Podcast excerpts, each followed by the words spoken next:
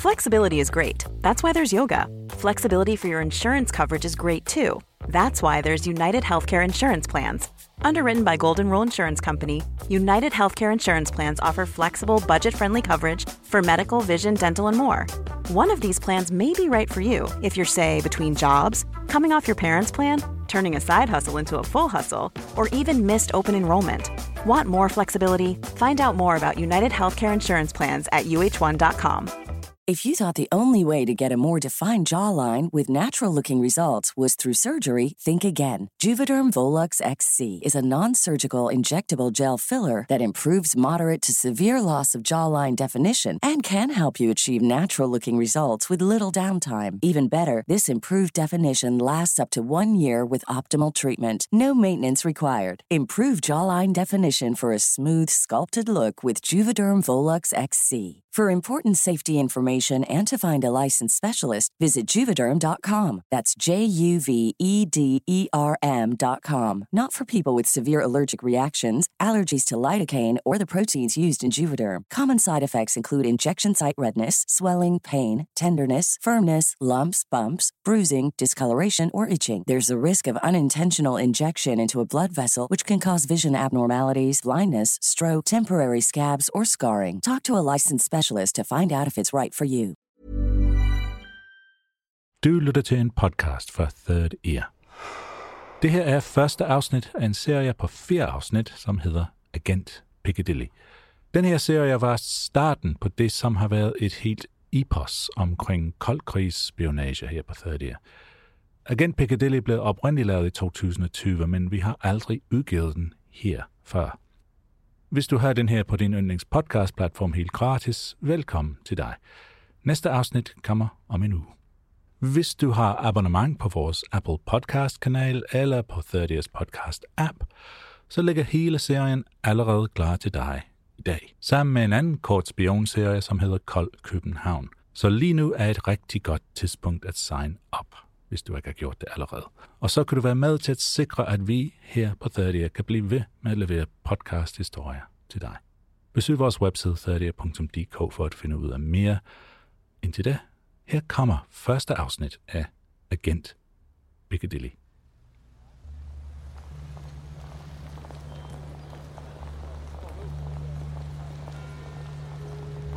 Vi er på Waterloo Bridge midt i London.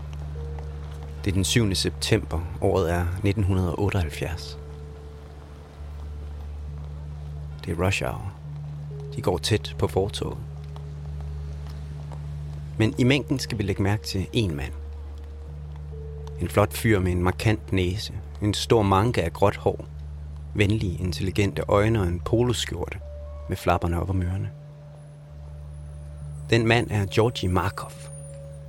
Han er på vej fra BBC-bygningen, hvor han arbejder på den nordlige side af Thamesen, og så til den sydlige side af Thamesen for at hente sin bil. Det gør han hver aften omkring den her tid. Det er en vane, han har. Den vane er der en anden mand, der kender til. En mand, der i alt hemmelighed har studeret Georgi Markov. Den mand er også til stede på Waterloo Bridge i dag den 7. september 1978. Han står og venter ved et busstoppested på broen. Han har en paraply med. Han er nervøs, men fattet. Han har trænet det her. Han har forberedt sig i mindst et år. Og nu skal det altså ske. Måske er der også et sted i ham, hvor hans moral, hans medmenneskelighed gør oprør. Det er en stor ting at tage en anden mands liv. Men manden med paraplyen har ikke længere nogen vej tilbage. Han spotter Markov i mængden. Han kender hans ansigt, han har nærstuderet billeder af ham. Men det er alligevel noget andet at se ham her i virkeligheden. Markov når hen til busstoppestedet. Han stopper op for at komme rundt om de mennesker, der venter på bussen, og manden med paraplyen ser sit snit til at komme om bag ved Markov. Med en hurtig bevægelse løfter han paraplyen op til Markovs højre baglov. Og så trykker han på en eller anden lille aftrækker, der sidder skjult på paraplyens håndtag. Markov reagerer med et lille af og vender sig om, og i det samme taber manden paraplyen. Han bøjer sig ned efter den, måske for at undgå øjenkontakt, og så siger han, undskyld, med en fremmed accent, som Markov ikke kan placere. Manden med paraplyen præger en taxa på den anden side af gaden, løber over, springer ind på bagsædet og forsvinder i retning af Piccadilly Circus. Fire dage efter dør Georgi Markov i en hospitalseng. Er noget, der ved første øjekast ligner en sær form for blodforgiftning. Men det her skal vise sig at være et mor. Et mor med gift skudt ind i Markovs lår fra spidsen af en paraply.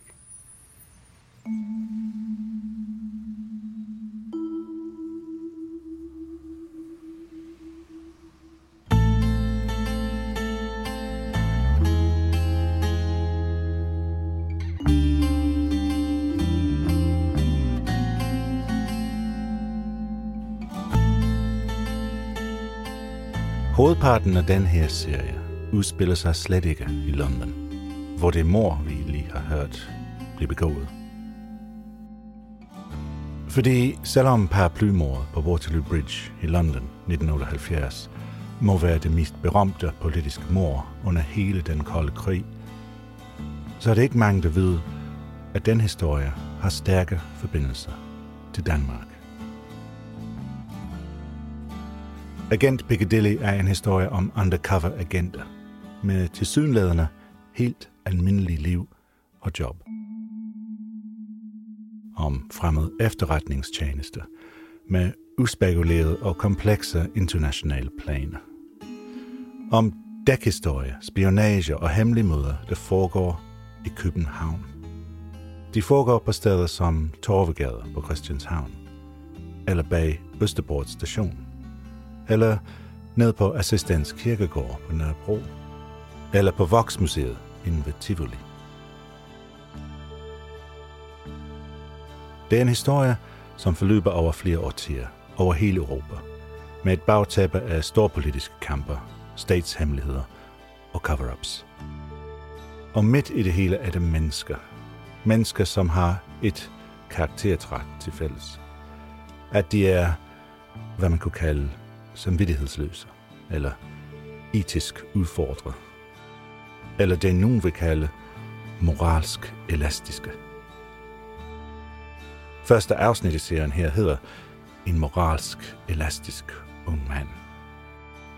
Og det starter med din fortæller, Christa Molsen, i telefonen til Bulgarien.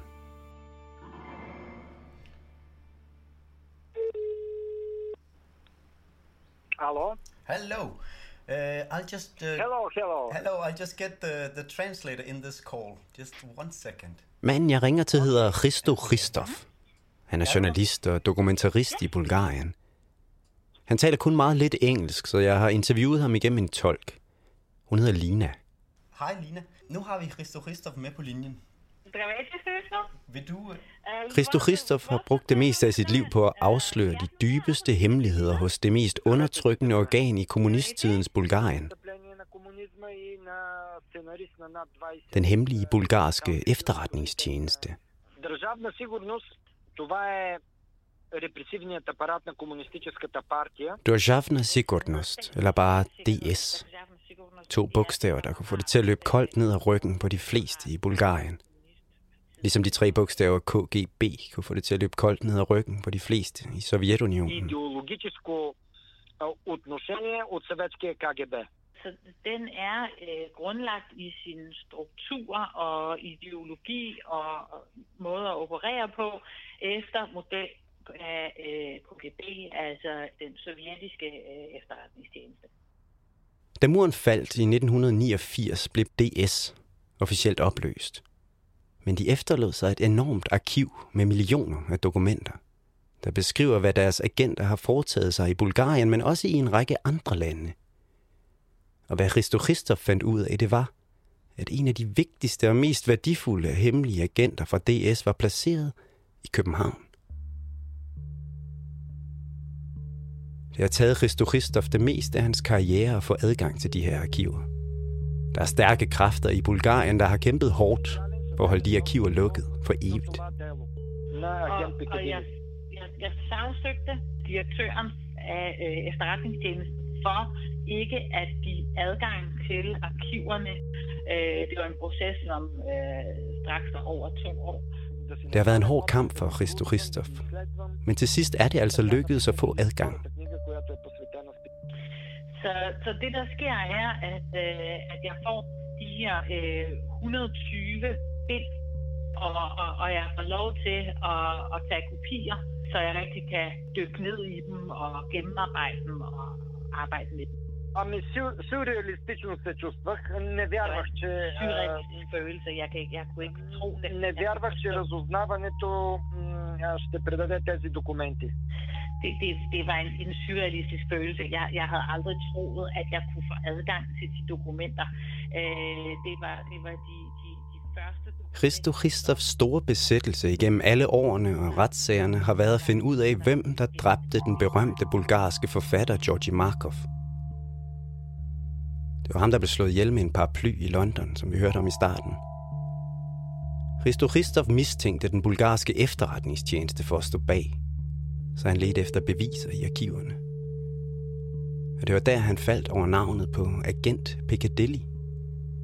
Han faldt faktisk over det ved et tilfælde, fordi at Piccadilly, det mindede ham om Piccadilly Circus i London. Og da han begyndte at søge på det navn i arkiverne, så bingo. Pludselig sad han med en meter høj stak af sagsmapper foran sig. Alle sammen stemplet tophemmeligt. Det er de sagsmapper, som Christo Christoph har fået oversat, og som han har delt med os her på Third Ear. Dokumenter, som det aldrig var meningen, at nogen skulle se. Dokumenter, som den britiske efterretningstjeneste og den danske efterretningstjeneste aldrig har fået fat i. Det er de dokumenter, jeg sidder med foran mig her. Der er en hel stak af falske pas med forskellige navne og forskellige nationaliteter, men alle sammen med billedet af den samme mand. Der er håndskrevne erklæringer på fransk, håndtegnet kort over steder i København. Der er medaljer og kvitteringer på pengebeløb udbetalt i D-mark, dollar, pund og danske kroner. Og så er der en kæmpe stak af rapporter fra møder mellem agent Piccadilly og hans forbindelsesofficer i København. De her sagsmapper indeholder en nøje beskrivelse af et hemmeligt agentliv, der strækker sig over 20 år. De indeholder også tydelige spor, der tyder på, at det var agent Piccadilly, der stak med paraplyen i London den dag. I sagsmapperne står der også agent Piccadillys rigtige navn. Navnet på en mand, der var velkendt i Københavns antikvitetsverden, som en venlig, dansktalende italiener med charmeklud og sixpence. En mand, der stadig hæver sin danske folkepension den dag i dag. En mand ved navn Francesco Golino.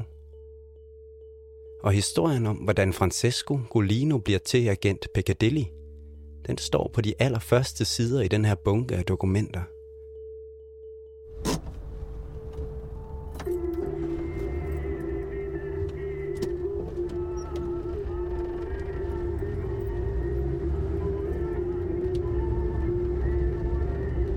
Det hele starter den 13. november 1970 i en stjålet Fiat på vej fra Grækenland til Bulgarien.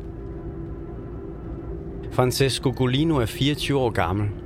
Han lever et hostlerliv som smugler og småkriminel rundt omkring i Sydeuropa.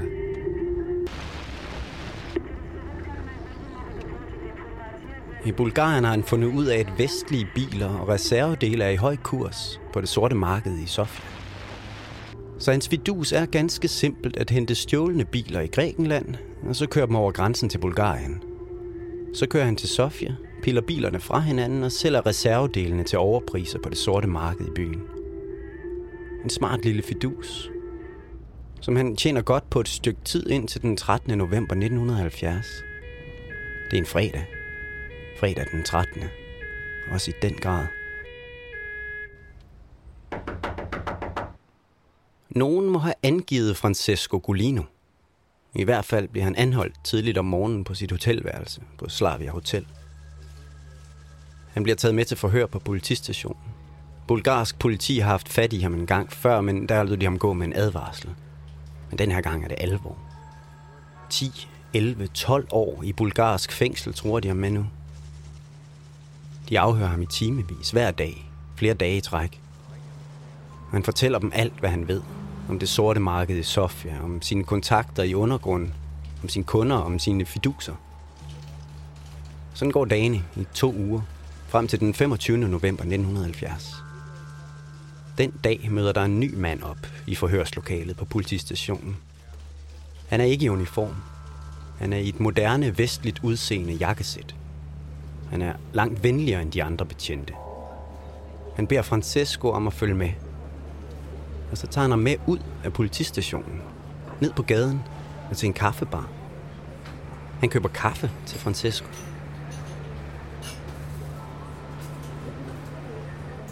Manden i jakkesættet arbejder for den berygtede bulgarske efterretningstjeneste, der Shavana Sigurnost, eller DS.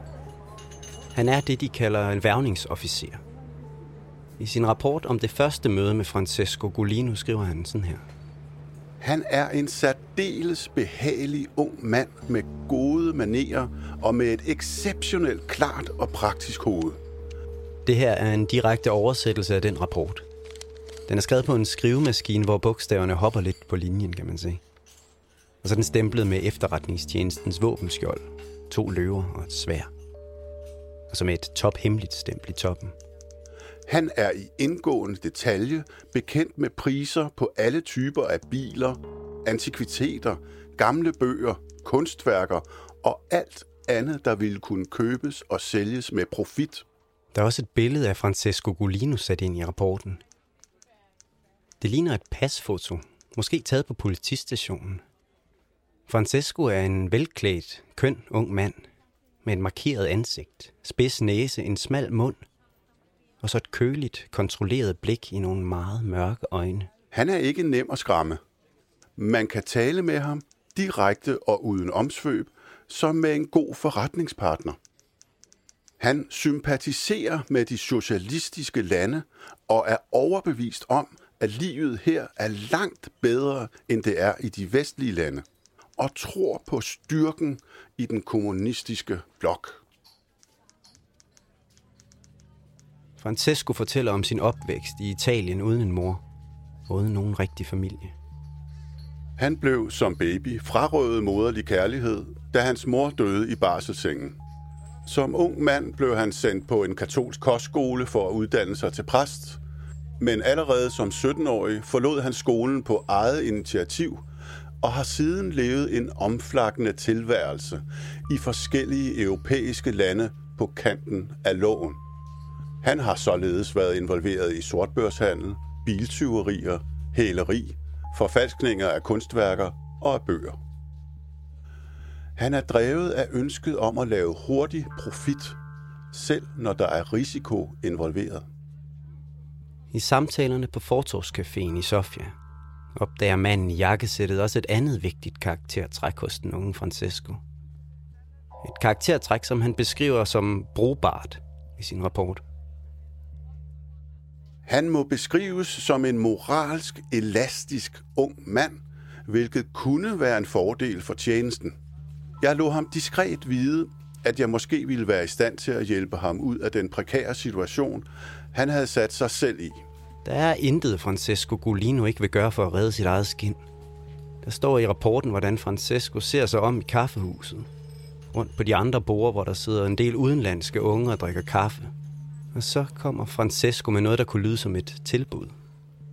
Så sagde han, jeg vil væde med, at de fleste udlændinge her i det her kaffehus er involveret i sortbørshandel. Og jeg vil kunne hjælpe jer med at finde ud af, hvem og hvad de handler med. Det virker nærmest som om Francesco Golino er forberedt på det her. I hvert fald har han straks en hel del forslag til, hvad han kunne hjælpe Bulgarien med. Jeg svarede ham straks, at den slags information ville være særdeles brugbar for mig personligt og for hele vort land. Og så en lidt spøgefuld tone tilføjede jeg, at vi måske ville være i stand til at betale ham for den slags informationer. Hvortil han hurtigt svarede, at han skam ikke ville gøre den slags blot for pengenes skyld, men for at hjælpe Bulgarien.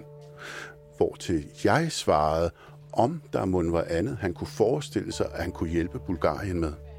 Selvom det aldrig er blevet sagt direkte, Så det tydeligt at mærke, at han udmærket godt ved, at det er den bulgarske efterretningstjeneste, han sidder og forhandler med. Og alt er til salg. Han har en kæreste i Belgien, der studerer til kemiingeniør, og hun har venstreorienterede synspunkter.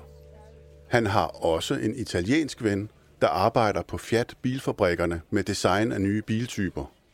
Og en ven, der er sekretær på den italienske ambassade i Ankara. Værvningsofficeren er tydeligvis imponeret af den unge mand på den anden side af cafébordet. Imponeret over hans skarpe jagttagelsesevner, hans forretningsmæssige tilgang til livet og af hans moralske elasticitet, som han kalder det i sin rapport. Meget tyder på, at Francesco Golino har, hvad der skal til for at blive en god hemmelig agent. De to mødes i alt tre gange på kaffebaren, og ved det tredje møde bliver Francesco stillet over for et valg.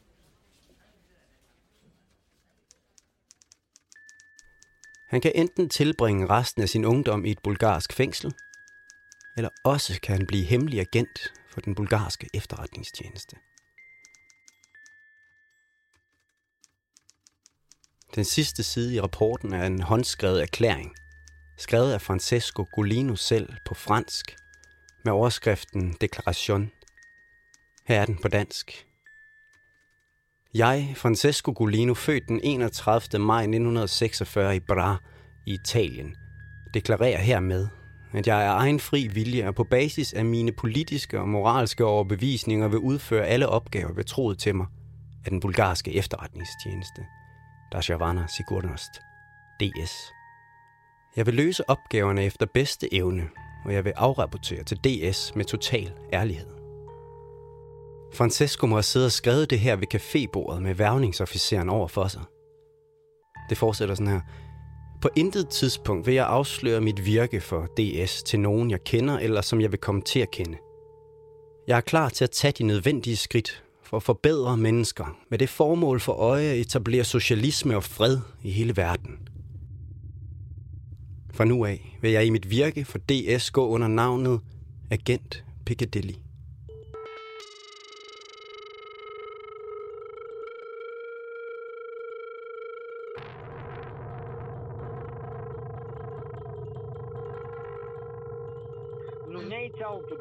защото по този начин те си запазват връзките, контактите, цялата информация.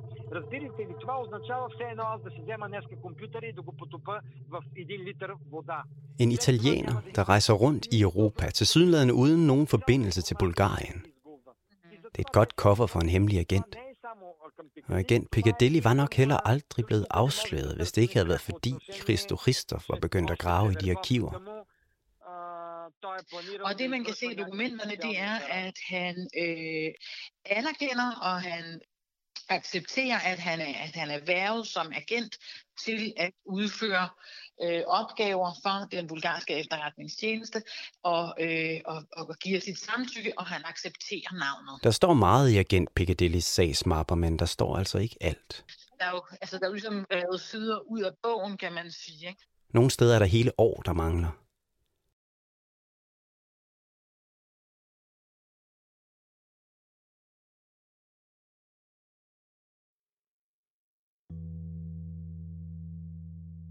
Da muren faldt, var der mange i den bulgarske efterretningstjeneste, der var interesseret i at fjerne spor i arkiverne. Det gjorde de for at dække over sig selv og hinanden.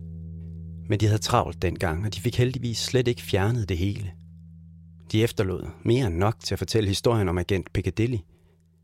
Men årene imellem 1970, hvor han blev været, og så 1976, de mangler altså. Det må være de år, han er blevet trænet som hemmelig agent – da agent Piccadilly kommer til syne igen i sagsmapperne i 1976, der bor han i København. Hvorfor bliver han sendt til København? Защо е изпратен той до Копенхаген? Ingen kan sige med sikkerhed, hvorfor den bulgarske efterretningstjeneste har valgt at sende ham til København. Men Christo Christoph har et godt bud. По принцип се приема, че скандинавските страни Mm-hmm. Ja, altså man, man antager, at, at efterretningstjenesterne i de skandinaviske lande øh, ikke er lige så stærke øh, som andre steder. Derfor har KGB ret massiv øh, afdelinger og, og, og, og, og omfattende arbejde i øh, de skandinaviske lande.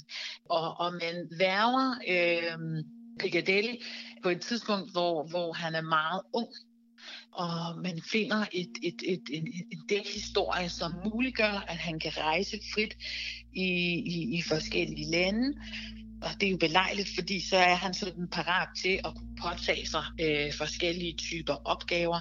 Så han har været en, en, en sovende celle, sådan set. Altså han har været en, som, som har stået standby, så at sige, som man har kunne anvende efter behov. Det er ikke første gang, jeg hører, at København skulle være et godt sted at leve uforstyrret, hvis man var hemmelig agent under den kolde krig. For eksempel har jeg læst i en gammel KGB-rapport, at der kun var én enkelt PET-agent i hele Danmark, der stod for at overvåge og afsløre agenter fra alle lande i Østblokken, undtagen Sovjetunionen. Og der står også i rapporten, at han gik tidligt hjem om fredagen. Så hemmelige agenter fra Østblokken, som agent Piccadilly, havde rimelig frit spil i København i starten af 1970'erne. Jeg ved ikke præcist, hvornår agent Piccadilly er flyttet til København. Men i 1976 har han i hvert fald etableret sig i byen. Og så har han etableret en legende. Det er spionsprog for en dækhistorie. Agentens legende er som følger. Han skal under sit fødenavn etablere sig i København. Han skal åbne en butik, der handler med antikviteter. Han skal ligeledes anskaffe sig en varebil indregistreret i Danmark – hvilket vil give ham mulighed for at bevæge sig frit i andre vestlige lande i embedsmedfør. Francesco Golino har en lille antikvitetshandel på Christianshavn. Han har købt en brugt Volvo kassevogn på danske nummerplader. Og så har han fået en Sony ICF 7600 kortbølgeradio. Det er faktisk en ret almindelig, billig køkkenradio. Men han får den af sin forbindelsesofficer på et hemmeligt møde i Vestberlin, står der i rapporterne. På den 3. og den 17. i hver måned, præcis kl. 23.30, skal agent Piccadilly lytte til en specifik frekvens på sin kortbølgeradio. Jeg forestiller mig, at han sidder og lytter i baglokalet til sin antikvitetshandel. Der er biblyde på den kanal, og der bliver læst tal op og navne på russisk –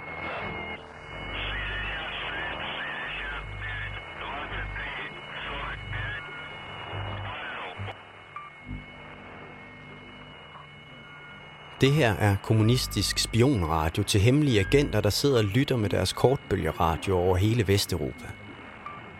De har alle forskellige koder, forskellige ting, de skal lytte efter. Det agent Piccadilly i København skal lytte efter er en melodi. Tre forskellige musikstykker faktisk. Alle sammen fra Verdis opera Aida. Et meget passende valg for at sende hemmelige beskeder til en italiener, synes jeg. Hvis agent Piccadilly hører et stykke med pauker fra Aida, så skal han møde op i Wien præcist fem døgn efter. Og så vil han blive smuglet ud af Vesten og ind i Bulgarien i en såkaldt redningsaktion. Det kan også være et andet stykke for operaen, der bliver spillet. Der hvor prinsesse Aida og hendes elskede kommandant Ramirez bliver begravet levende, og hvor de langsomt dør, syngende i hinandens arme.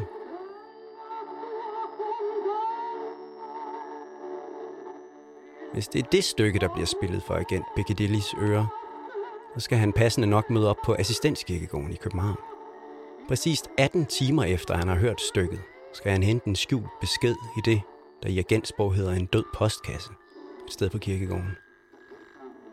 Men hvis det derimod er triumfmarschen fra Verdis mesterværk, der lyder over kortbølgeradioen, så skal agent Piccadilly mødes med sin forbindelsesofficer på det hemmelige mødested i København fem dage efter – det er det mødested, der har fået kodenavnet Katrin. Den her nat, kl. halv 12 den 3. juni 1976, er det triumfmarschen, der skrætter ud af højtalerne efter lukketid i Francescos antikvitetshandel. Den samme nat bevæger agent Piccadilly sig ind til Nørrebro med en sort filtpind i lommen. Han går ind i en telefonboks, der dengang lå på hjørnet af Jagtvej og hans Tavsensgade, lige bag ved assistenskirkegården. Og på forsiden af telefonbogen, der er spændt fast i boksen, sætter han et kryds med sin filtpen.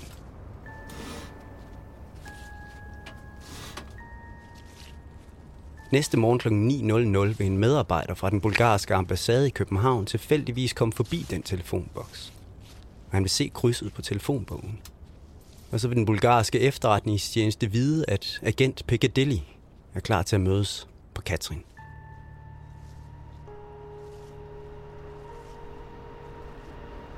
Det er fredag eftermiddag, og jeg står på mødestedet Katrin, som den bulgarske efterretningstjeneste brugte til at mødes med agent Piccadilly tilbage i 70'erne og 80'erne. Og det her er ikke på nogen som helst måde et hemmeligt sted at mødes. Jeg står på det vel nok mest befærdede område i hele København. Jeg står på Rådhuspladsen. Jeg står og kigger over på en Tivoli-bygning, den der hedder H.C. Andersens Slottet, lige på den anden side af vejen.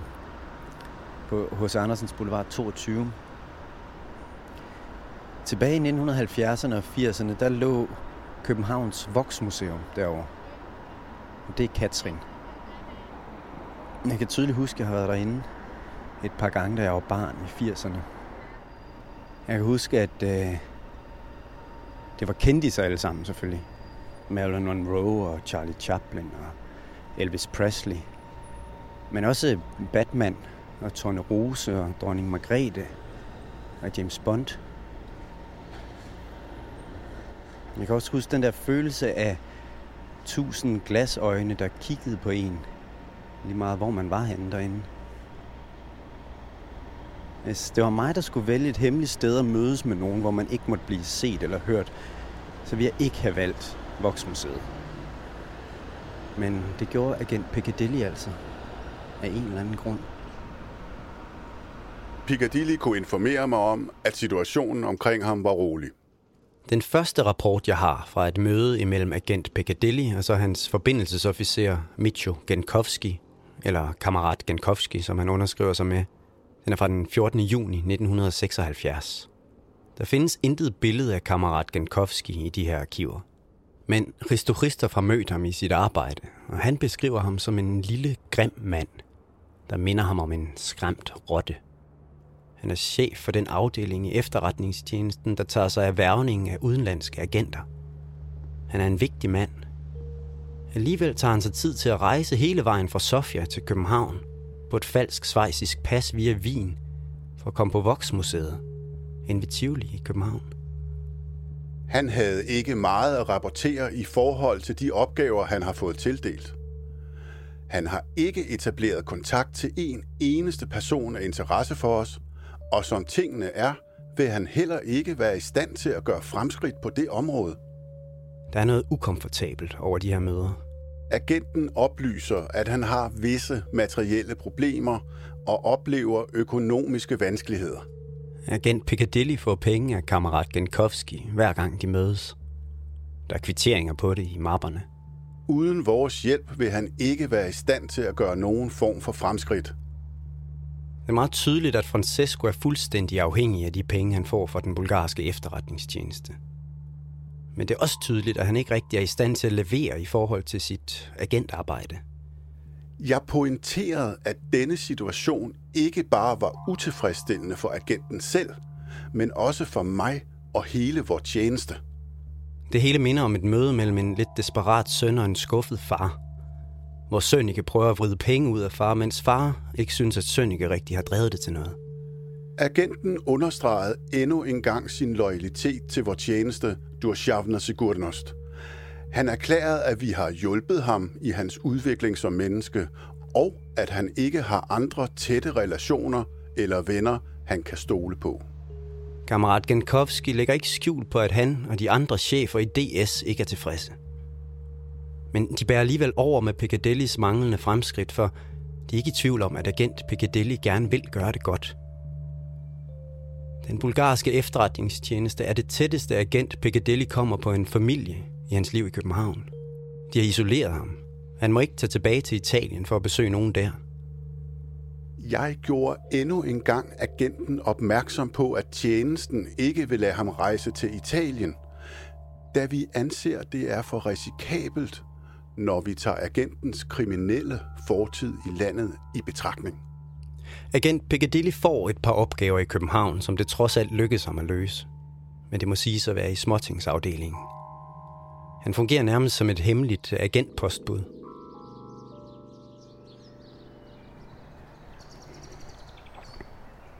Det er mørkt. Klokken er snart 10 om aftenen. Og lige om lidt så låser de porten her ind til assistenskirkegården i København. Det har lige regnet, så der er faktisk ikke rigtig nogen mennesker herinde. Jeg tænkte, at det her ville være et perfekt tidspunkt til at tømme eller fylde en død postkasse, som jeg ved lå herinde dengang. En død postkasse, det er sådan et sted, som agenter bruger til at aflevere hemmelige beskeder til hinanden. Jeg ved, at agent Piccadilly han har været her nogle gange, og det ved jeg, fordi jeg har et håndtegnet kort her, som han har tegnet, og så en beskrivelse af præcis, hvor den her døde postkasse lå. Der står her, at man skal gå ind for indgangen på jagtvej. Det er her. Og så skal man dreje til højre langs med muren. Yes. Så skal man gå cirka 100 meter frem. Der skulle være en særlig gravsten, som skulle være nem at kende. Det er, det er en jernplade, der står lænet op ad væggen med navnet Jørgen Hjort på. Okay. Yes. Den er lige her. Her hviler Jørgen Hjort, står der. Der står også, at han er en ven af fædrelandet. Hmm. Der står der en mindeplade med nogle interessante inskriptioner på sig. Så man kan bøje sig ned, sætte sig på knæ og lade som om man læser de her inskriptioner, mens man lader sin hånd glide om bag ved gravstenen her. Sådan. For at mærke, om der skulle være nogle beskeder derinde. Nej. Nej, der er sgu ikke noget. der er ikke noget i dag. Okay. Jeg, jeg ved, at agent Piccadilly han har brugt en krøllet cigaretpakke til at lægge beskeder i. Sådan en har jeg også taget med. Den er her. Så er det bare lige at kigge sig om til højre og venstre. Der er ikke et øje. Så kan jeg lægge den ind bagved der. Sådan. Jeg tror sgu aldrig, Jørgen Hjort han har forestillet sig, at det var det, hans gravsten skulle bruges til. Okay. Så ligger den der. Så kan man bare gå væk.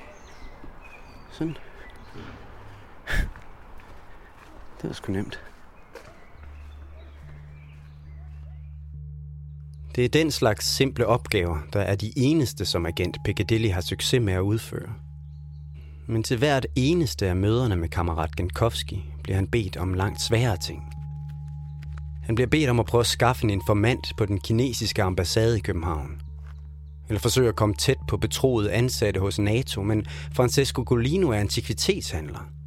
Han har ikke naturlig omgang med folk, der kender til statshemmeligheder i den kinesiske ambassade eller hos NATO.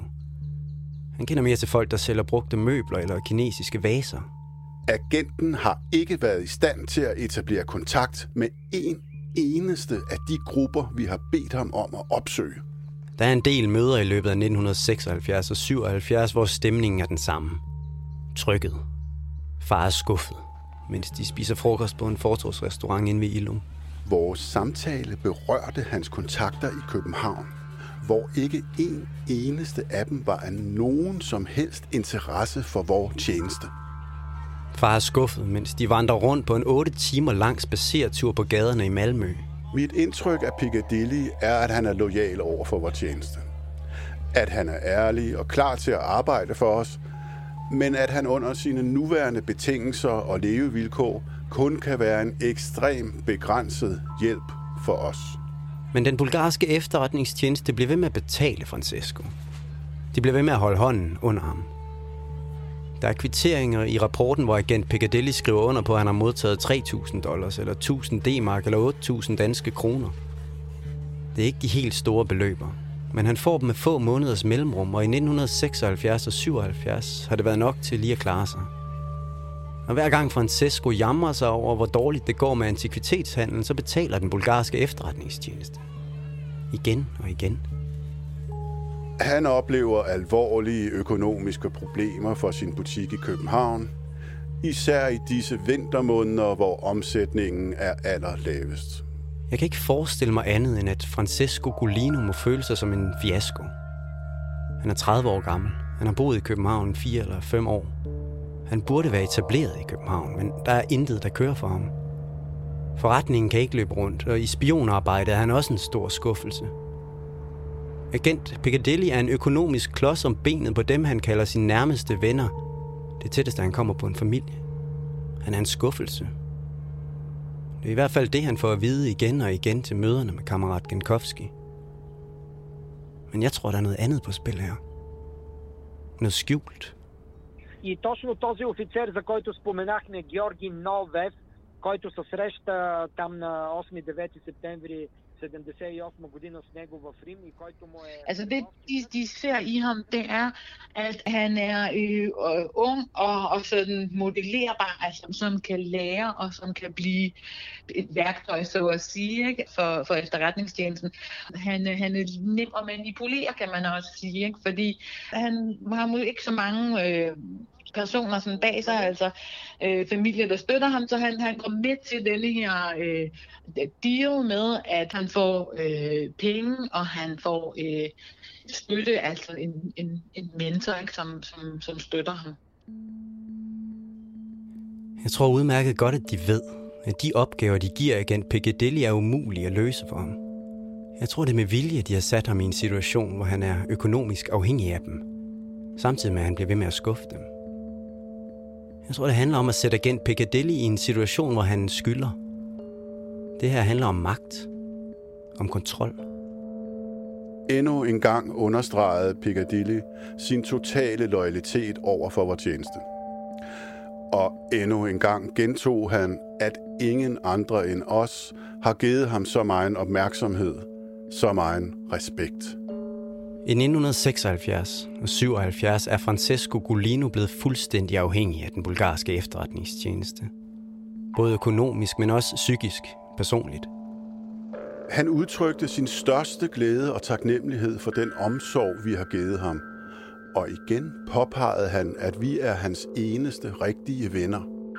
Og han er klar til at gøre hvad som helst for os.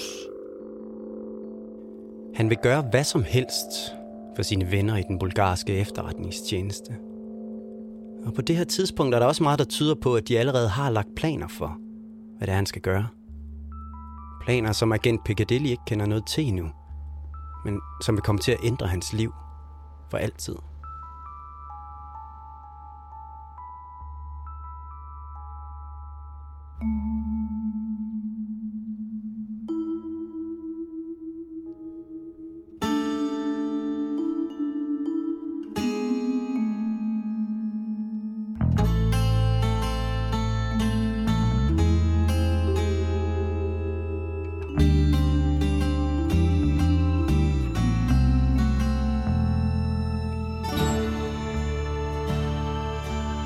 Første afsnit af Agent Piccadilly. Serien er skrevet og fortalt af Christian Molsen. Lyddesign, redigering og klip er mig, jeg hedder Tim Hinman, med hjælp fra Frederik Nielbo. Kammerat Gankowskis rapporter er læst af Henrik Bistrup. En kæmpe tak til journalisten Christer Rister og oversætter Lina Petrova. Og husk nu, hvis du kan lide, hvad du har hørt, så lad være med at afsløre det for nogen, du kender – eller nogen, du kommer til at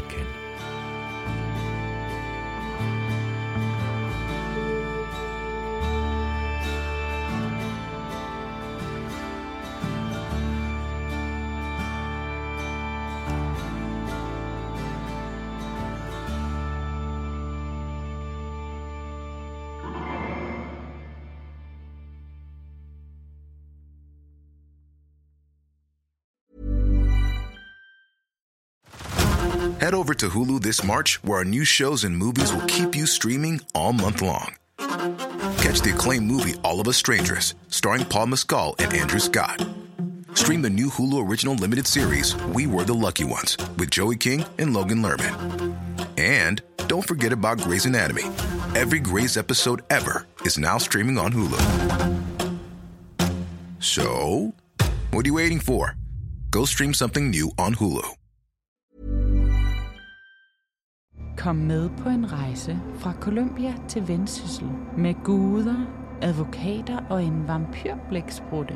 En virkelig miljøkrimi, hvor superskurken tjener milliarder på sine ofres lidelser, og samtidig fører en retssag, så forbrydelserne kan fortsætte uden konsekvenser. Hør podcastserien Retten til floden på Miljøbevægelsen Noras kanal Jord i hovedet på din foretrukne platform.